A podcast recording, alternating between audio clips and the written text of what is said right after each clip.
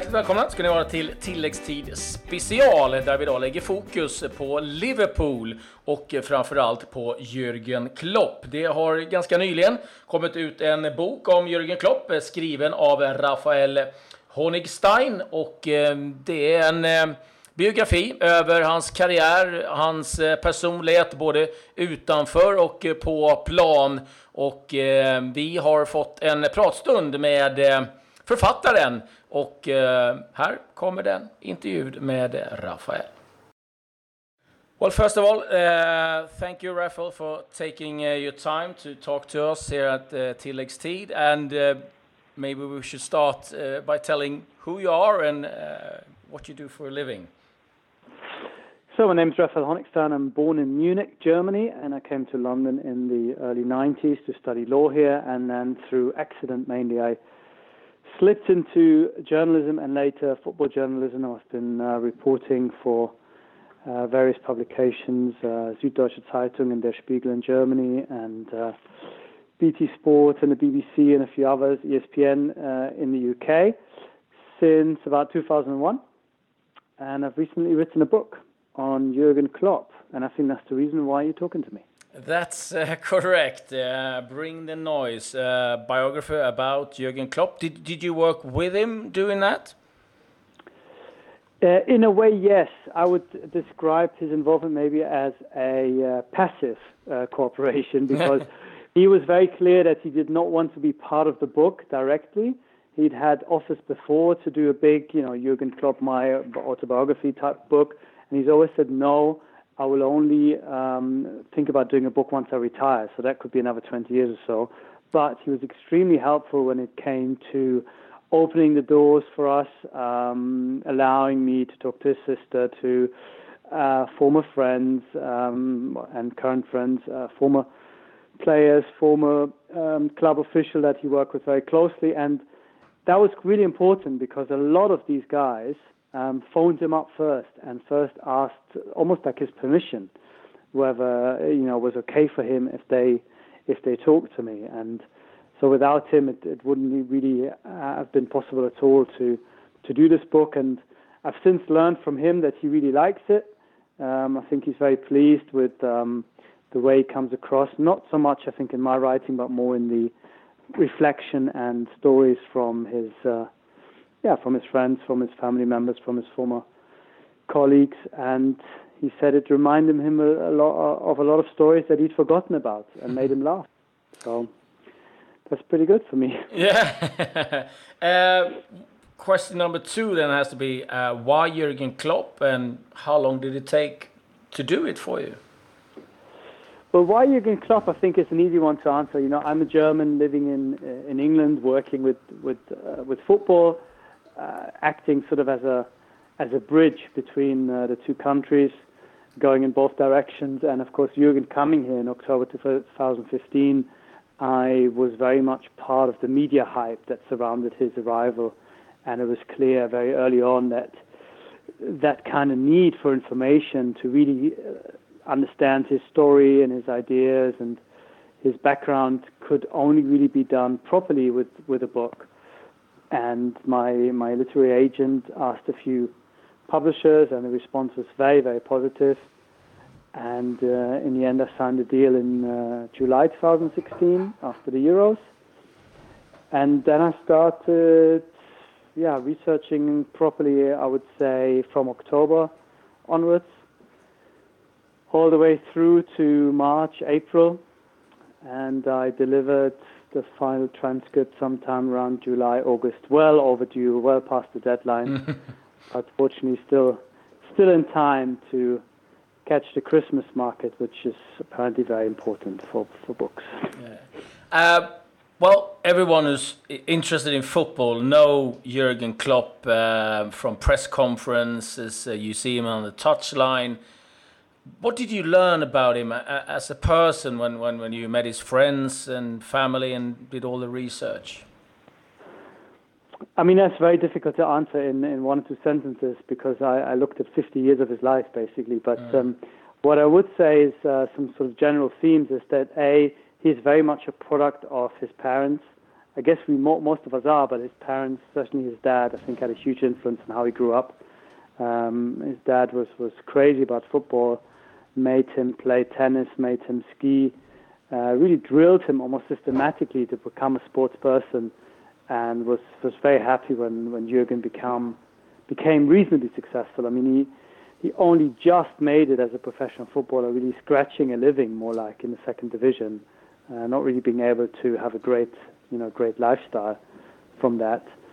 Um, but I think that kind of winning mentality, that kind of obsessive attention to detail, that all comes from his dad, but also from his mom. He has a more balanced, um, kind of more relaxed view of things. That you know, the moment the game is finished, you just don't worry about it because you can't change it anymore. Don't don't kill yourself. You know, don't get yourself down. Uh, something that a former player of his uh, told me recently, this is after I wrote the book, is that he would always tell them after defeats, we are already punished by losing this game. Don't punish yourself now again by getting yourself down because then you might be punished a second time when it comes to the next game. So forget about this. Uh, you're already hurting. You already have the pain. Let's make sure that you feel differently in three days' time. And this really sums him up because his thinking is so incredibly positive and looking forward and always uh, dealing with uh, you know with bad defeats in a kind of very very mature way. But at the same time, when you see him, of course, on the touchline, uh, a complete lunatic, uh, uh, like a volcano about to explode. So those two things, I think, come from his parents. And I mean, I could talk about so many other things I learned about him, but uh, you know, if, as far as his character is concerned, I think that that's maybe the most important insight that I learned just how much of a product of his immediate family he is. Well, I mean, his career is, is like Mainz uh, from 2001 to 2008, then uh, Borussia Dortmund 2008 2015, and then Liverpool from October 15 and onwards. Uh, would you say that his career has been steadying upward with no, no bumps, or uh, have you had some really difficult times during his uh, career as a manager? I mean, in the grand scheme of things, if you just look at it from 2001, starting at Mainz, from one day to the next, as a player being put on the bench, suddenly the responsibility, and now sitting in Liverpool, you'd say it's only gone one direction. Uh, he's never been fired. You know, he's never experienced the kind of uncertainty that most managers have. He's he's been a success everywhere he went, and he's always had the total backing of his club for a long, long time, even when the results are a little bit uh, problematic. Now, the most there are there were big setbacks and there were big big problems for him and big defeats. Of course, you know with Mainz, he twice lost out on promotion on the last day of the season, mm-hmm. almost in the last second of the season, by stuff that happened on a different pitch, um, which was incredibly uh, frustrating for a club that thought that they will never ever get the same chance again. Uh, when he went up, he kept them up for two years, but then went down and couldn't get them back up again. So there was another setback. But by then he'd become big enough, a big enough name and almost a star to still get the Dortmund job, and then steady um, after you know some steady improvements from 13th to 5th to, to 6th to 5th to, to winning suddenly the, the Bundesliga and the double, and then getting to the Champions League final. It's been up, up, up, and then he had a bit of a uh, downturn in fortune when he had that terrible last season at Dortmund when they were bottom of the table at Christmas, mm. which was really uh, a disaster by their standards. But even then, mm, and this was really for me one of the most interesting chapters in the book to, to really find out, um, his team and uh, and the coaching staff they very calmly kind of realized, you know, this is not a total disaster here. Yes, we've been losing lots of games, but actually the football is not that bad. We just need to fix a few details, just do a few things a little bit better, and we're going to get good results again. And of course, immediately in the second half of the season, they went on a fantastic run and still finished in seventh in the Europa League. So he's had very few setbacks, but of course he's had had defeats that that are annoying or you know that stay with you, like losing in the Champions League against Bayern, losing in the Europa League against Liverpool. But as I said earlier, I mean he's the kind of guy who the next day will turn up at a party and do like 20 minutes of stand-up comedy. um, because he's already thinking about the next season and excited to go again to work with a with a team. He just doesn't really let those defeats beat him. And if you allow me one final sentence on this, I think again this is something that he has learned from his father, but not his, his biological father, but perhaps his footballing father, which was a guy called Wolfgang Frank, who was a hugely influential, incredibly innovative coach who, for the first time uh, at Mainz, brought a bit of success when he was coaching Klopp there, and uh, was the, also the man who um, introduced zonal marking and a back four into German mm. football um, at a time when this was still seen as some kind of crazy witchcraft kind of magic, um, you know, black magic kind of football. and and Wolfgang Frank, for all his, his ideas and for all this amazing uh, work that he did, had a big problem getting to terms with defeats and just couldn't take it. And I think Klopp really learned from his example because he is so much better than dealing with uh, dealing with defeats than, than Wolfgang Frank ever was. Is is Jurgen Klopp and Liverpool Football Club a match made in heaven? Do you think? I think so. I mean, of course, it, it depends a little bit on, on the outcome of this uh, marriage, if you know you want to talk about these terms. Um, and even the best marriages, like we saw at Dortmund, maybe are only meant to last for seven years. But I think within that time frame, and of course his contract runs until 2022, which is would, which would mean exactly seven years. I think there's enough for me to believe that he is a great fit. I think he is the kind of coach that Liverpool needed uh, at that particular time. I think they were in a very similar position to to uh, Dortmund at the time, uh, where they were in danger of becoming a bit of a mid-table team. Bad football, crowd getting very bored, um, no big players interested to get there, all the good players leaving, and you need somebody to transform not just the football, but sort of the whole mood in in the in the club and the atmosphere. And while we perhaps see a lot of negativity surrounding Liverpool, you know, a lot of fans getting very angry very quickly and impatient. I can tell you that from within the club, the atmosphere is incredibly positive, and it has been since he since he got there that everyone feels that this is a guy that is is moving us in the right direction. And I recently had a chance to uh, to talk to him uh, as part of another interview I did, and there was a guy from the marketing there, and he called him boss. You know, I mean, everyone calls him boss. He is the boss of the club, and even the owners, who are on paper his boss, I think almost kind of believe that he's their boss. and he has incredible power and incredible charisma and people feel that uh, he's leading them in the right direction, and that's something that's in itself is incredibly powerful. You know, just the, the sense that you're going in the right direction, I think, um, takes away a lot of the doubt and brings a lot of optimism. And uh, and I think you're seeing it reflected in some of the performances of Liverpool. They're still not the finished product. They obviously have weaknesses. The squad has problems for sure, but I think it's undeniable that uh, something very positive is happening there. I know you've been doing a lot of interviews with players, ex-players he had. What did you learn about his like man management skills uh, as as a coach, as a person who treats his players and staff? Mm. I mean, one word that come that came back in time and time again when I spoke to players is, is honesty, and I think it's it's something that perhaps is not unusual when it comes to you know having friends or or being in a in a sort of normal business. But I think football lends itself to coaches not being honest with players because players usually have a problem with honest coaches. they'd rather not know why they're not playing, or they'd rather be lied to, or they find it very very hard if someone tells them, "Look, I know you're a very good player, but you're just not right for me." They'd rather not have that conversation. And with Klopp, one thing really was very noticeable that he never played these kind of games. He never played these political games with his, his players. If there's somebody he didn't like, he would tell them.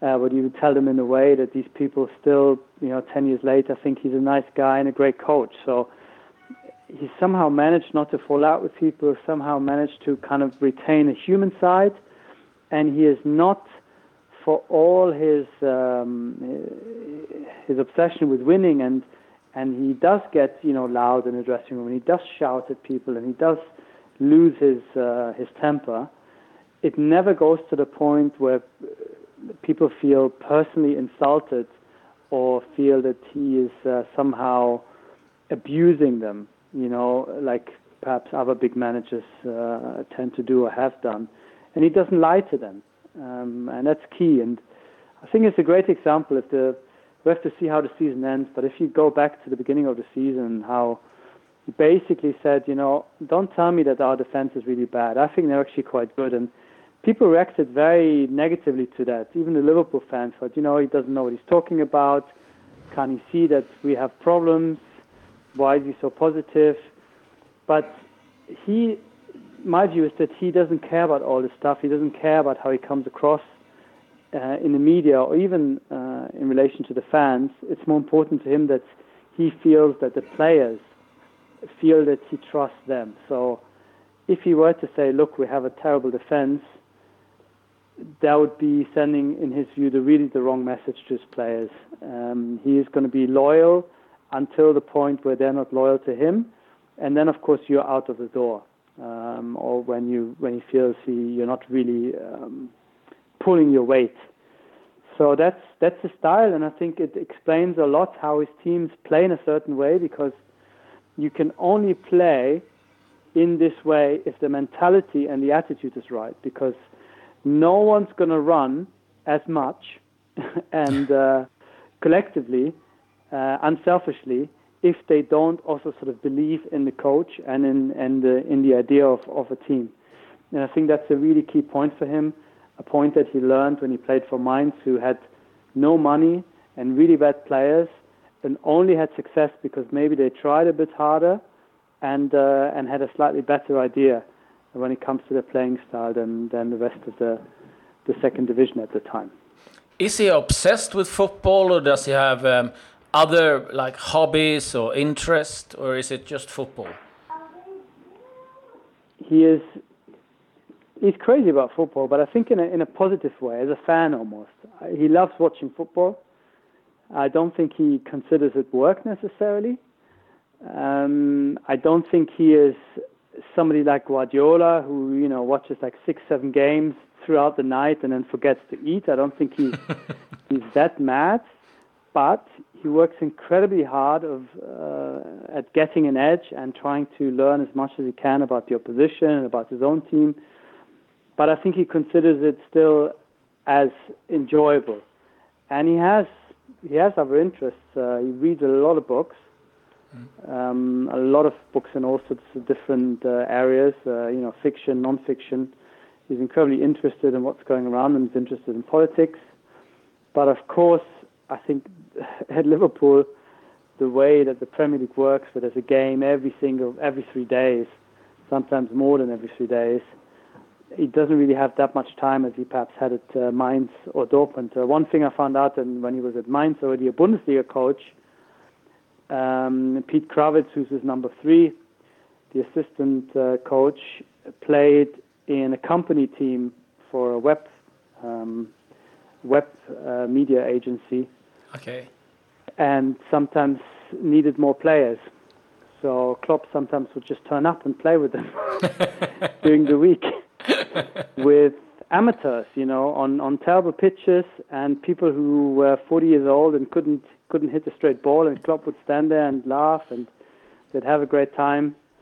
I don't think he has the time to do that in Liverpool right now. uh, when you when you talk to players, uh, what did they say as his strength is? Is it like a, a tactical coach or is it like a motivator? What is his greatest gift? Yeah, my, my sense is that he has both. I think okay. we from the outside see the motivation, we see the passion, we see the hugging, we see the you know the the, the charisma. But a lot of people have said to me, um, for example, Mike Gordon, FSG, one of the owners, but also Christian Heidel, who worked with him for for um, so many years at Mainz, that people always almost underestimate him because of that, because they think in their heads, they think, oh, this this guy who's just this great motivator and is great charming guy, but there's not really that much intellect or uh, you know conceptual work underneath that. But that's totally not true. I mean, the guy is is is a complete package. Uh, I, and I think you don't have many coaches who manage to a motivate the dressing room and keep the dressing room happy, but at the same time are tactically really interesting and have a strong idea and have the ability to put that across. I think there's a there's a reason why he has managed to to coach um, continually successfully without uh, losing his dressing room at any time over a long period of time in both in both clubs. It's because he has both. If he was just a tactical genius, let's say Antonio Conte, for example, I don't think Antonio Conte could last seven years at any club because his his work is so intense and he's so demanding that I think the man management is not that important to him. Um, and I think the same is true to a certain extent of Guardiola. I mean, in my view, he's the best coach in the world, but after three or four years, I think the constant demand and the perhaps lack of sort of empathy that he has uh, with his players probably mean that he has to move because p- people can't handle it anymore. And I think with Klopp, he has that kind of nice blend between the two things. He might not might not be the best coach in the world, but he certainly has um, something which is very, very rare in my view, which is the complete package between both these parts. Uh, finally, um, the Coutinho situation, where is um, the, the, the constant uh, rumors about him leaving. How does that affect Jurgen Klopp? Can he can he just ignore it, or is it uh, taking its toll? Do you think? Well, I mean, he's used to it in a way. He's used to it because he had the same situation at Dortmund, and it wasn't just one player. It was there was always three or four players who were in hot demand. You know, he lost Götze, he lost Lewandowski, he lost Sahin, he lost Kagawa, um, and sometimes it would take two two years in the case of Lewandowski before before he uh, he actually lost him and it's hard to know. I mean, my sense is that Klopp is quite relaxed um, and again quite pragmatic. I think if Liverpool as a club would have said, um, you know what, the the money's so good, we really should should sell here, that he would have said, okay, fine. But because the owners made a decision, I think for mostly political reasons, not to sell, he said, okay, it's also fine. I will see what I can do with this guy. And a little bit like Lewandowski, who was very unhappy, but then when he was on the pitch was always a total professional. It looks as if Coutinho, the story is the same. Mm. So it's too early to tell what will happen in January because it's contingent on Barcelona making that offer. I think it depends a little bit where Liverpool are in the league, but I don't see why this story cannot, you know, go run a little bit longer, where they kind of make an agreement with him. You know, if you really want to leave, go in the summer, but we still need you now. We're chasing for these titles or place or fourth place or whatever.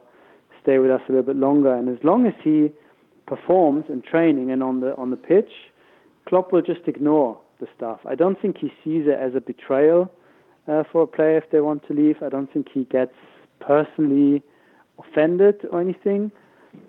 All he cares about is that the player is still professional if it doesn't happen. And I think you know, judging from what's happened so far, I think Coutinho has just done enough, basically, to still be considered a very useful player for Jurgen. And as long as he's there, he'll be happy to use his talents.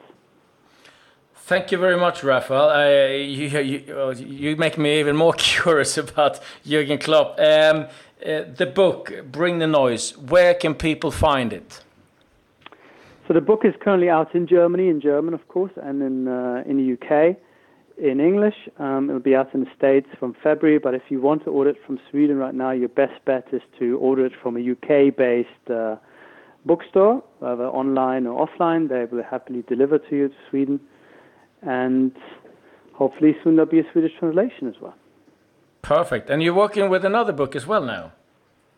Yes, I'm working on the next German football book uh, with Per Mertesacker, his autobiography, so we're writing it together and that should hopefully be out in May if I can ever finish it. Thank you very much. Uh, best of luck with uh, with the book with um, uh, Per, and um, lovely talking to you. Uh, very interesting, and um, looking forward to read your book. Uh, My pleasure. Thank you so much, guys. Thank you. Thank you. All the best. You too. Bye. Bye.